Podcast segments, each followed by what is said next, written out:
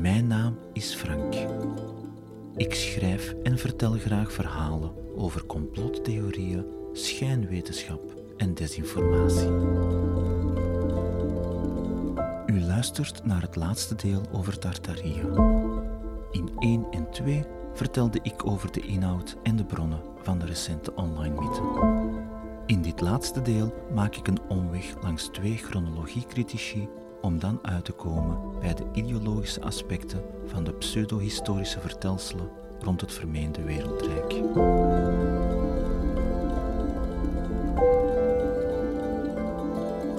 Beginnen doe ik zowaar met een stukje echte geschiedenis.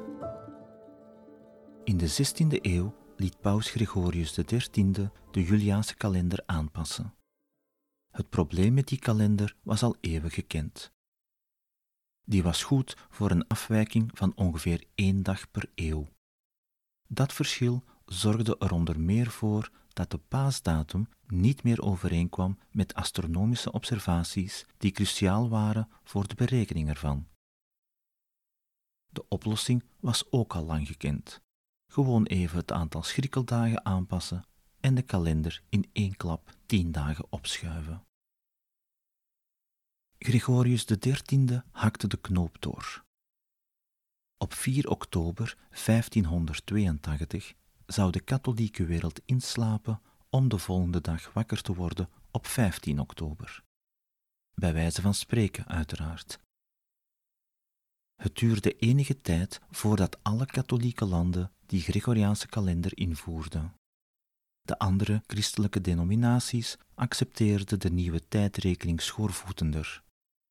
Maar ze zagen wel de voordelen in van een kalender die beter aansloot bij preciezere astronomische observaties. Rond 1702 was de overschakeling in de westerse wereld rond. De katholieke kerk had dus het gezag om de kalender met tien dagen aan te passen.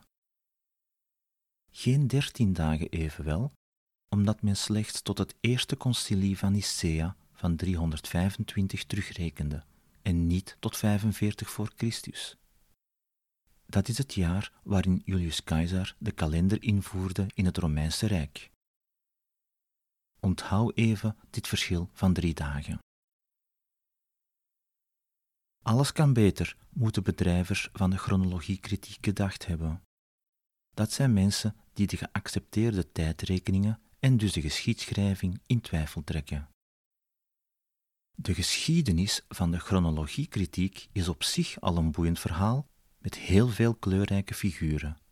Maar dat reserveer ik voor een andere podcast of een blogartikel. Ik start met de Duitser Heribert Illich en eindig bij de Rus Anatoly Fomenko. Die laatste zal mijn bruggetje zijn naar de ideologische achtergrond van Tartaria.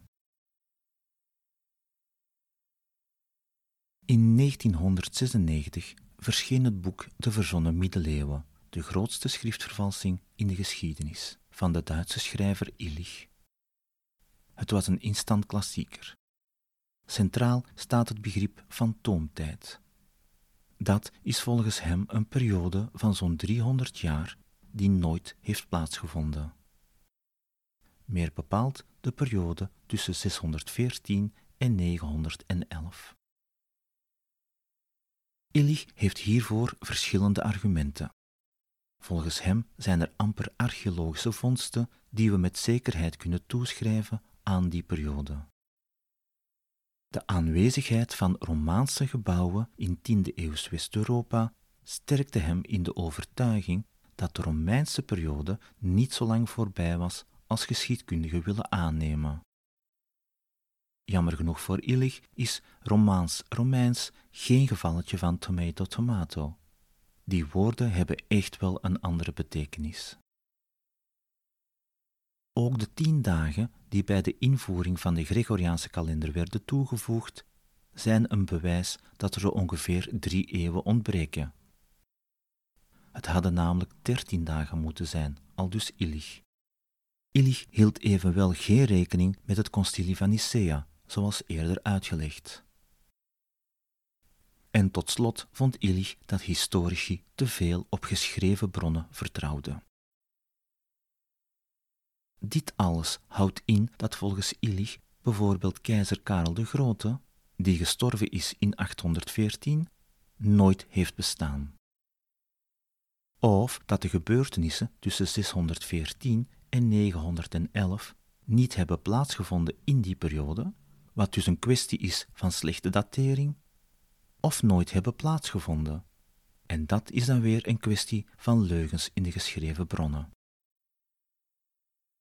Illich schreef deze discrepanties toe aan een complot, en wel van de Byzantijnse keizer Constantijn VII, de Rooms-Duitse keizer Otto III en paus Sylvester II, die allemaal stierven tussen 959 en 1003. Deze machtshebbers zouden talloze monniken, kopieerders en scribenten hebben opgedragen om evenveel jaren aan de geschiedenis en geschiedschrijving toe te voegen als Illich niet kon verklaren. Hoe dan ook, het zou een internationale, bureaucratische verwezenlijking zijn zonder weerga. Niet alleen voor de middeleeuwen, maar ook voor moderne tijden. Het is daarnaast ook een vorm van onverbeterbaar narcisme. De complotdenker kan niet verkeerd zijn en kan daarom niet anders dan concluderen dat er een samenzwering was. Waarom twee keizers en een paus dat zouden doen, dat is niet geheel duidelijk. Illich's theorieën zijn door experts uit zo ongeveer elk betrokken vakgebied grondig en systematisch tegengesproken, gecorrigeerd, gedebankt. Maar dit valt buiten het bestek van deze podcast.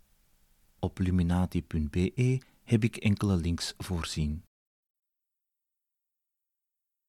Ik beperk mij tot twee eenvoudige tegenargumenten. De wereld is namelijk net iets groter dan West-Europa. Ook andere regio's en culturen hadden hun chroniqueurs. Astronomen uit de Chinese Tang-dynastie noteerden fenomenen die op andere continenten eveneens zichtbaar waren en beschreven werden. Zij maakten bijvoorbeeld melding van de doortocht van de komeet van Halley, en die melding is consistent met de Europese kronieken en de huidige bevindingen maar niet als we daar 297 jaar fantoomtijd in zouden verwerken. Hoe waarschijnlijk is het dat islamitische heersers meehielpen bij het fingeren van net die periode waarin hun profeet Mohammed het licht zag en waarin moslimkrijgers een islamitisch rijk begonnen op te bouwen? Deze laatste kritiek pareerde de volgelingen van Illich trouwens door moslimgeleerden als verdachten, als medecomploteurs te beschouwen. En dat is een gekende techniek om zich te immuniseren tegen kritiek. Kan men de tegenkantingen niet ondervangen, dan maakt men het verhaal simpelweg grootser. Op een bepaald punt maakt het echt niet meer uit of een al onwaarschijnlijk stuk desinformatie nog onwaarschijnlijker wordt.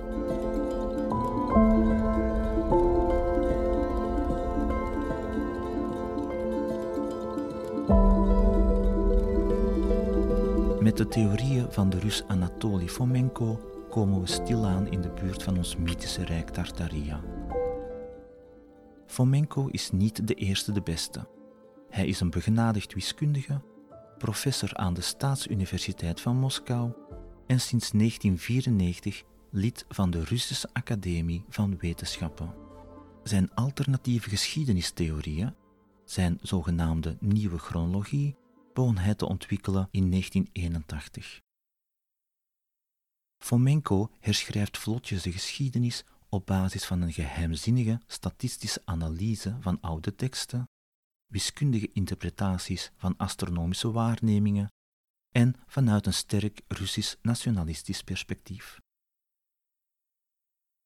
Ik kies drie van zijn ideeën die belangrijk zijn voor het verhaal van Tartaria. Ten eerste er zijn geen 300, maar duizend jaren verzonnen. Ten tweede, de geaccepteerde geschiedschrijving, de consensus dus, berust op schriftvervalsingen. En ten derde, het machtige Mongoolse rijk van de 13e eeuw en later denk hierbij aan Genghis Khan, zijn opvolgers en hun gevreesde Mongool-Tataarse krijgersbendes, is eigenlijk hetzelfde als het Russische Rijk. De eerste Russische, Oost- en Centraal-Europese verspreiders van de Tartaria-mythe namen deze conclusies vlotjes over. In 2015 werden 22 boeken van Fomenko vertaald en gebundeld als de reeks History, Fiction or Science. Het vanzelfsprekende gevolg was dat er voor westerse liefhebbers van alternatieve geschiedenistheorieën een nieuwe, zij het parallelle wereld openging. Omdat het ons te ver zou leiden om hier al zijn claims te vermelden en te bespreken, maak ik een selectie van Smans eigenaardige ideeën. Waarschuwing vooraf. Fomenko's herziening van de geschiedenis heeft meer weg van een koortsdroom dan van een coherent verhaal. Veel heeft Fomenko niet te melden voor de 10e eeuw in onze geaccepteerde tijdrekening. Maar dan verschijnt de eerste beschaving, het oude Egypte, dat ook bekend staat als het oude Rome.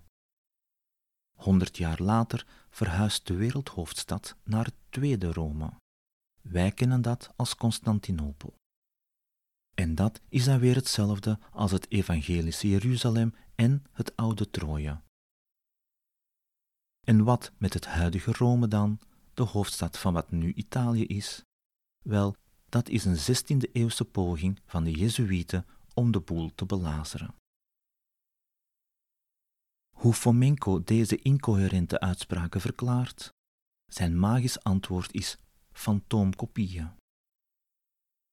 Chroniekschrijvers en geschiedkundigen gaven volgens hem vaak verschillende datums en locaties voor dezelfde historische gebeurtenissen. En zo verschenen er fantoomkopieën van één gebeurtenis die zich als verschillende, zeer uiteenlopende feiten verspreidden in de conventionele geschiedschrijving. Een voorbeeld uit zijn boek Het geval Troje uit 2015. De Trojaanse en Gotische oorlogen, en hier bedoelt hij die van de vijfde en zesde eeuw, zijn meer dan waarschijnlijk de fantoomreflecties van echte oorlogen die plaatsvonden in de periode van de kruistochten. De Trojaanse oorlog is een echte gebeurtenis die evenwel plaatsvond in de dertiende eeuw en niet in het verre verleden. Homerisch episch gedicht is daarom een ingewikkelde, meervoudig samengestelde vertelling van de middeleeuwse kruistochten. Aldus Fomenko. Onze Rus wijde verschillende boeken aan de relatie tussen de Mongolen en Tataren, die hij samen de Russische horde noemt, de relatie tussen Tatarije en de opkomst van Rusland, of beter van het Russische Rijk. Nog een citaat. Er was niet zoiets als de Tataarse en Mongoolse invasie, gevolgd door meer dan twee eeuwen van onderwerping en slavernij. De zogenaamde Tataren en Mongolen zijn de eigenlijke stamvaders van de moderne Russen, en die leefden in een tweetalige staat waar Turkische talen even vrijgesproken werden als Russisch. Dus Rusland en Turkije vormden ooit twee delen van hetzelfde rijk. Timur Lenk was waarschijnlijk een Russisch krijgsheer. De officiële Russische geschiedenis is een opzichtige vervalsing door Duitse geleerden die naar Rusland gehaald werden om de usurperende dynastie van de Romanovs te legitimeren. Tja. Het idee dat Rusland een uitzonderlijke positie inneemt als een oude Eurasiatische beschaving en grootmacht gaat terug tot het einde van de 19e eeuw. Moderne varianten alom. Het Eurasianisme bijvoorbeeld heeft als doel een door Rusland geleide statenbond. Die moet heden ten dagen in de eerste plaats het grondgebied van de oude Sovjet-Unie herstellen. In de tweede plaats moet dit leiden tot een uitbreiding met landen als Mongolië, Mansoerije, Turkije en Iran goedschiks of kwaadschiks. Een kenmerk van het Eurasianisme is een rabiate afkeer van de westerse liberale democratie die een gevaar vormt voor de ambities van Rusland. Daarvoor zoeken Fomenko en anderen dan weer redenen in een gefingeerd verleden. Een actueler voorbeeld van een soortgelijke geopolitieke filosofie vinden we in het werk van Alexander Dugin, een Russische filosoof en de zelfverklaarde politieke en spirituele raadgever van Vladimir Poetin. Voor een gedetailleerde kritiek op Fomenko's theorieën ontbreekt het mij aan tijd. Al bij al valt er weinig zinnigs in te brengen tegen zijn schier eindeloze opeenstapeling van absurde ideeën en van een immunisatiestrategie zoals het concept fantoomprojectie. Welk zinnig argument kan men inbrengen tegen het weinig coherente idee dat de 16e-eeuwse Ivan de Verschrikkelijke dezelfde figuur zou zijn als Hendrik VIII, die ook bekend zou zijn als de 12e-eeuwse Richard Lionheart, alias de 10e-eeuwse prins Oleg de Profetische. Die laatste is de stichter van het Kievse Rijk van Novgorod. Van in het begin immuniseert Fomenko zich tegen kritiek, tegen negatieve commentaar. Maakt iemand een opmerking over een astronomische waarneming, opgetekend in pakweg India, die conflicteert met zijn theorie, dan zal Fomenko die bron afdoen als een vervalsing. Is er geen enkele bron te vinden die stelt dat China of India of Perzië nooit tot het Russische Rijk behoord hebben, dan is dat het resultaat van een conspiratoire internationale opkuisactie. Kortom, op geen enkele manier kunnen de theorieën van Fomenko gefalsifieerd worden, en dat is een teken dat er geen sprake is van wetenschappelijk valabel denken. Hoe is het dan toch fout kunnen lopen met dat Mongools-Russische Rijk, vraagt u zich af.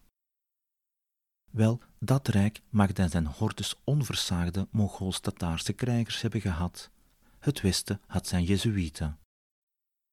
En zoals iedereen die al wel eens iets gelezen heeft over een eeuwenlange wereldwijde complottheorie, of iedereen die in een college heeft schoolgelopen, weet dat tegen hun streken geen kruid gewassen is.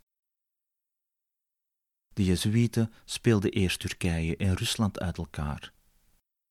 Ze scheiden daarna onder meer China en India door hun intriges en leugens. Intrigerende Jezuïeten maken deel uit van heel veel complotverhalen in Oost en West.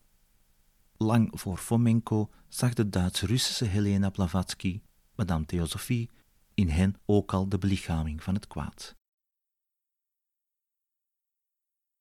Eerder dan dat Fomenko de directe inspiratiebron is voor de Tartaria-mythe, lijkt het erop dat zijn ideeën de weg mee hebben vrijgemaakt voor een oudere, alternatieve geschiedenistheorie rond een Mongools-Russisch-Tatariaans Rijk, waarbij een elementaire vorm van samenhang de laatste bekommernis is. Het is altijd al een van de kenmerken van moderne complot- en alternatieve theorieën geweest dat oudere ideeën deels gerecycleerd, deels aangepast en geïncorporeerd worden. Er zijn heel wat bouwblokken in Fomenko's theorieën terug te vinden die latere adepten van de Tartaria-mythe recycleerden. Mongolen, Tatarijen, Tartaria, de verwijzingen naar een gigantisch wereldrijk en natuurlijk de duizend verzonnen jaren. Bij de online overdracht van de Tartaria-mythologie van oost naar west zijn de Russen en het glorieuze Fomenkovitisch of Euroasiatische Russische Rijk evenwel in de filter blijven steken.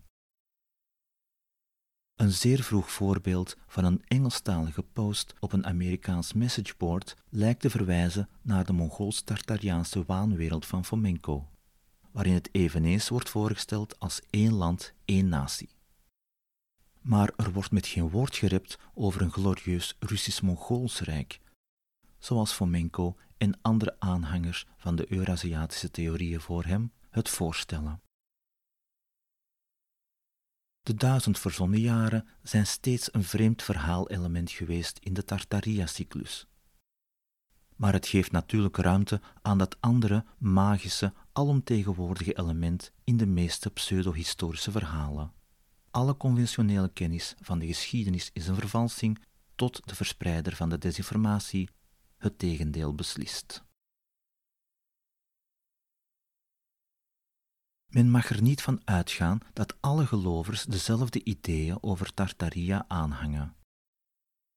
Verhalencycli die online heel hoog scoren, bijvoorbeeld ook die over de Anunnaki, de platte aarde, het boek van Henoch en nu de Tartaria, zijn eerder grabbeltonnen.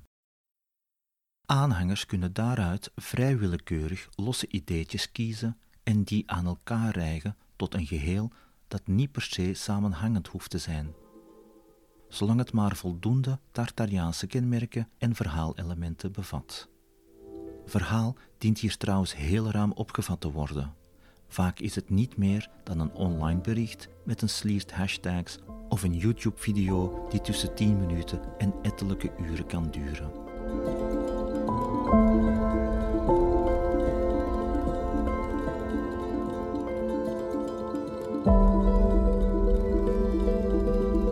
Tartaria werd niet op één dag online gezwierd.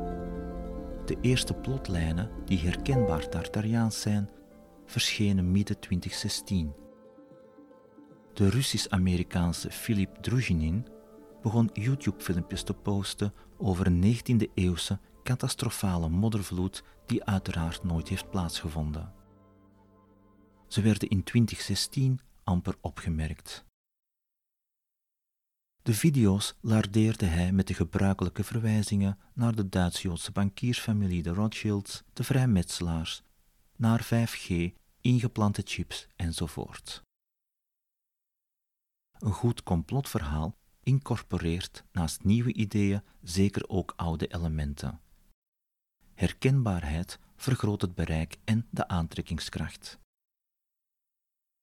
Een van zijn eerste filmpjes in de reeks ging over reuzen, op dat moment een populair onderwerp bij Oost- en Centraal-Europese YouTubers op zoek naar een internationaal publiek. Rond 2017 werden Druzhinin en zijn ideeën geïntroduceerd in de bonte wereld van de platte aarde. Die was op dat moment zijn aantrekkingskracht aan het verliezen en het leek wel of de kern van gelovers op zoek was naar de volgende complothype. Vanaf 2019 werd de mythe van Tartaria populairder en dat zorgde meteen voor een eerste scheiding. Er ontstonden bitse woordenwisselingen tussen platte aarders die fan waren van de nieuwe hype en andere Tartariaans gezinde complotfanatici, voor wie de vorm van de aarde niet ter discussie stond. In diezelfde periode werd zelfs de meta-complottheorie gelanceerd, dat de platte aarde een uitvinding was van de zogenaamde gecontroleerde oppositie om legitieme complotdenkers in discrediet te brengen.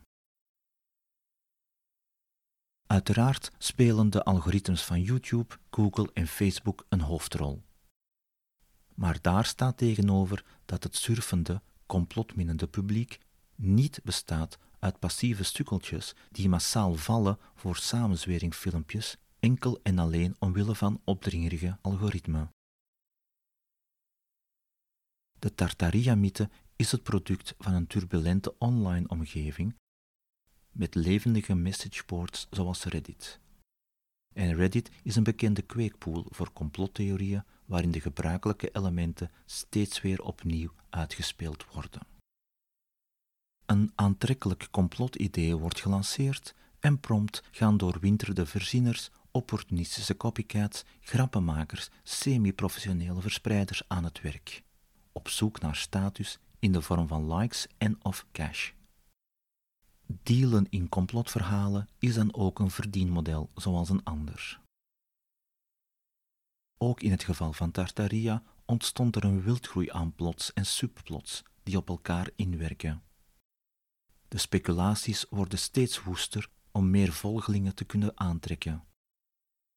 Onderzoekers aan de Universiteit van Bamberg voerden in 2013 aan dat de aanwezigheid van absurde uitspraken in complottheorieën enerzijds het succes ervan bepalen.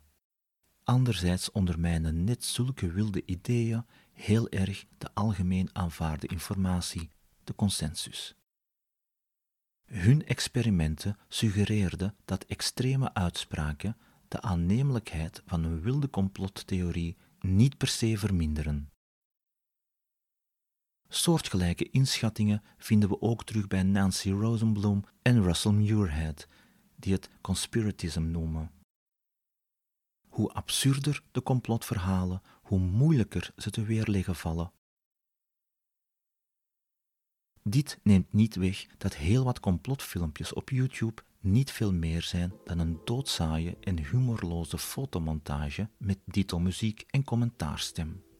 En toch zijn ze razend succesvol. Het is een zeer concurrentiële, bijna evolutionaire strijd tussen alternatieve ideeën en theorieën, een soort survival of the maddest.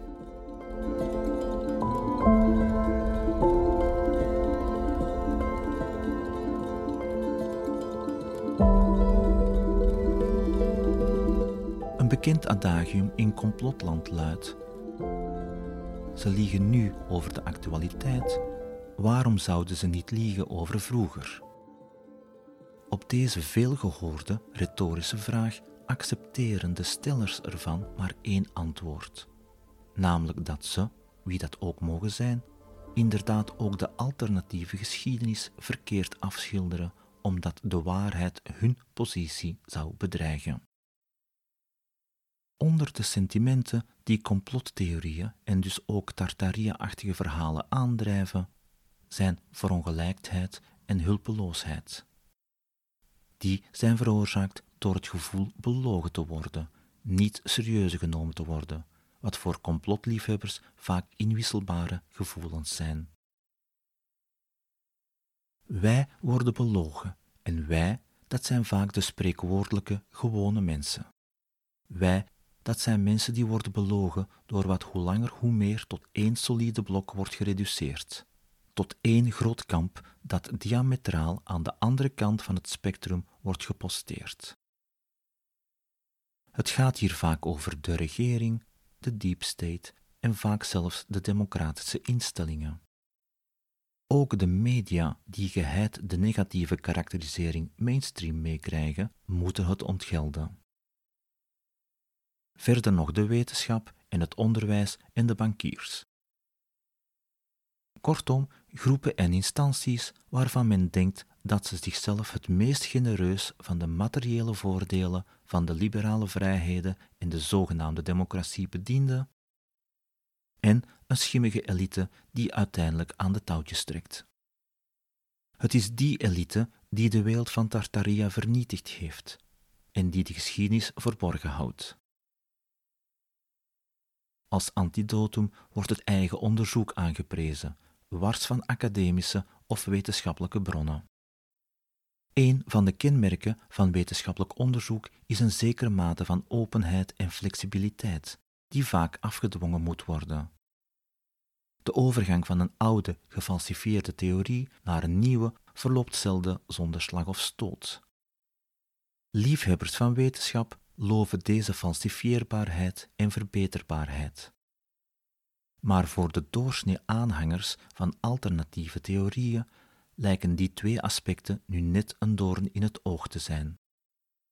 Deze laatste beschouwen het enerzijds vaak als een zwakte, genre wetenschappers weten het ook niet, anderzijds als een leugen, genre opnieuw passen wetenschappers hun versie van de waarheid aan. Het spreekt vanzelf dat de talloze online groepjes waarin gelijkgezinden zich verenigen, hierdoor al snel verworden tot bubbels waar wetenschappers en academisch gevormden actief geweerd worden. En waar de eigen experten in invented knowledge, verzonnen kennis dus, het hoge woord voeren. Tegenover de wetenschap staat het eigen onderzoek, en dat kan niet slecht zijn, omdat de intentie goed is. Het wordt vaak zelfs beschouwd als een daad van activisme, van rebellie tegen de consensus opgelegd door die andere kant, als een bevrijding van de intellectuele overheersing door de elite die ons denken via scholing en educatie wil beheersen, bedwingen en zelfs sturen. Logica rationaliteit en feiten baten niet wanneer gevoelens van uitsluiting niet gevalideerd worden. Wetenschappelijke methodologie of rigueur speelt hierbij absoluut geen rol. Integendeel, dat wordt vaak ervaren als een te grote rem op de eigen mentale en spirituele vermogens. Vermeende inzichten zijn geïndividualiseerd en dus te respecteren. Het eigen onderzoek wordt vaak voorgesteld als een puur en intuïtief gegeven. Nooit schilderen gelovers het af als een blind Google, instantaan gefantaseer of knip- en plakwerk uit andere internetforums. Opzoeken is niet onderzoeken. Inhoudelijk dient het resultaat dan ook niet als een ondersteuning voor argumenten, wel als een stimulans voor de samenhorigheid van de groep en van het dwingende idee dat de resultaten van het eigen onderzoek de alternatieve theorie bijna automatisch bevestigen en versterken. Op het eerste gezicht is de lichtheid van de Tartaria-mythe zelf draaglijk. De theorie lijkt eindeloos naïef en onschuldig. Maar net zoals in het geval van platte aarders, mag men volgens mij echt beginnen ophouden om dit soort gemeenschappen als onschuldige, geïsoleerde gevallen of groepen te beschouwen. Tartaria is ingebed in talloze andere complottheorieën en andere gevallen van uitgesponnen desinformatie die samen en op termijn corrosief werken. Het volstaat niet om de doldwaze theorie aan de kaak te stellen of te debunken. Meewarig de schouders ophalen bij zoveel intellectuele armoede en de zaak verticaal klasseren, dat helpt dan ook weer niemand verder. Dat zal ook niet tegenhouden dat zulke groepjes allerlei oude en onfrisse ideeën blijven aantrekken die in hun midden klaarblijkelijk probleemloos geaccepteerd worden. Complottheorieën en alternatieve verhalen lijken potjes die elke dag warm worden gehouden en die beginnen over te koken wanneer er zich een echte ramp voltrekt. Tijdens het hoogtepunt van de COVID-epidemie en maatregelen in 2020-2022 verschoof het gespreksonderwerp in de alternatieve geschiedenisgroepjes regelmatig naar alternatief medische theorieën. De meeste deelnemers aan de discussie leken moeiteloos even een ander masker op te zetten, onder andere dat van het antivaccinatieactivisme. In de pseudo-historische online gemeenschappen verspreiden gelovers moeiteloze desinformatie die in alternatief medisch georiënteerde online groepen de ronde deed. Bij de Russische invasie van Oekraïne vanaf 24 februari 2022 werd de Russische propaganda vlotjes overgenomen en aangedikt met het gebruikelijke antisemitisme dat in zulke groepen leeft en zelfs hier en daar geïncorporeerd wordt in de Tartariaanse geschiedschrijving. Natuurlijk werden ook nu weer de oude kaartjes bovengehaald, waarop het huidige Oekraïne bestempeld wordt als de bakermat van de Kazaarse Joden en maffia. Die worden dan weer gelinkt aan de Joodse president van Oekraïne, Volodymyr Zelensky. Tartaria en de platte aarde kennen verschillende gedaantes. In het beste geval lijken ze op vormen van cargo cult signs. Maar au fond zijn het eerder open verhalencyclussen. Beide narratieven zijn open. Ze nodigen uit tot samenwerking en die is dankzij de sociale media instantaan en globaal. Gelovers krijgen het gevoel dat ze kunnen bijdragen aan een groot maar geheim verhaal. En net dat maakt zulke theorieën populair. Eigen onderzoek staat centraal en daarvoor heeft men geen scholing door derden nodig. Scholen zijn erop gericht om een zo objectief mogelijke vorm van kennis door te geven. Ze willen studenten voorbereiden op een leven binnen een gemeenschap die gestoeld is op democratisch overleg. En dat vormt een gevaar voor onze ongebreidelde alternatieve kennisrebellen. Koppel dit aan religieus, spiritueel en of occultistisch geïnspireerd extremisme, politiek populisme, vaak van extreemrechtse, conservatieve, alt-right signatuur, en we krijgen een ontvlambare cocktail die meer bedreigt dan alleen maar academia. Het is een gepolitiseerde ideologie onder het mom van epistemologische rebellie. En die is zeer populair onder mensen die voelen dat zij niet ten volle kunnen genieten van de voordelen van het huidige democratische bestel, in tegenstelling tot de elitaire bovenlagen van de bevolking.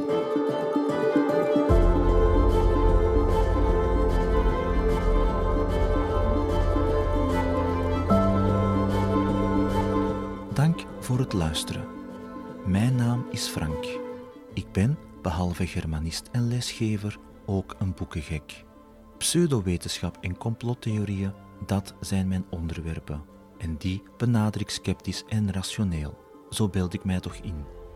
Voor zover ik weet is er geen enkele organisatie, VZW, broederschap, grootloge, religieuze orde, geheime dienst, nest reptielmensen of wat dan ook die wil dat ik in hun naam schrijf of praat.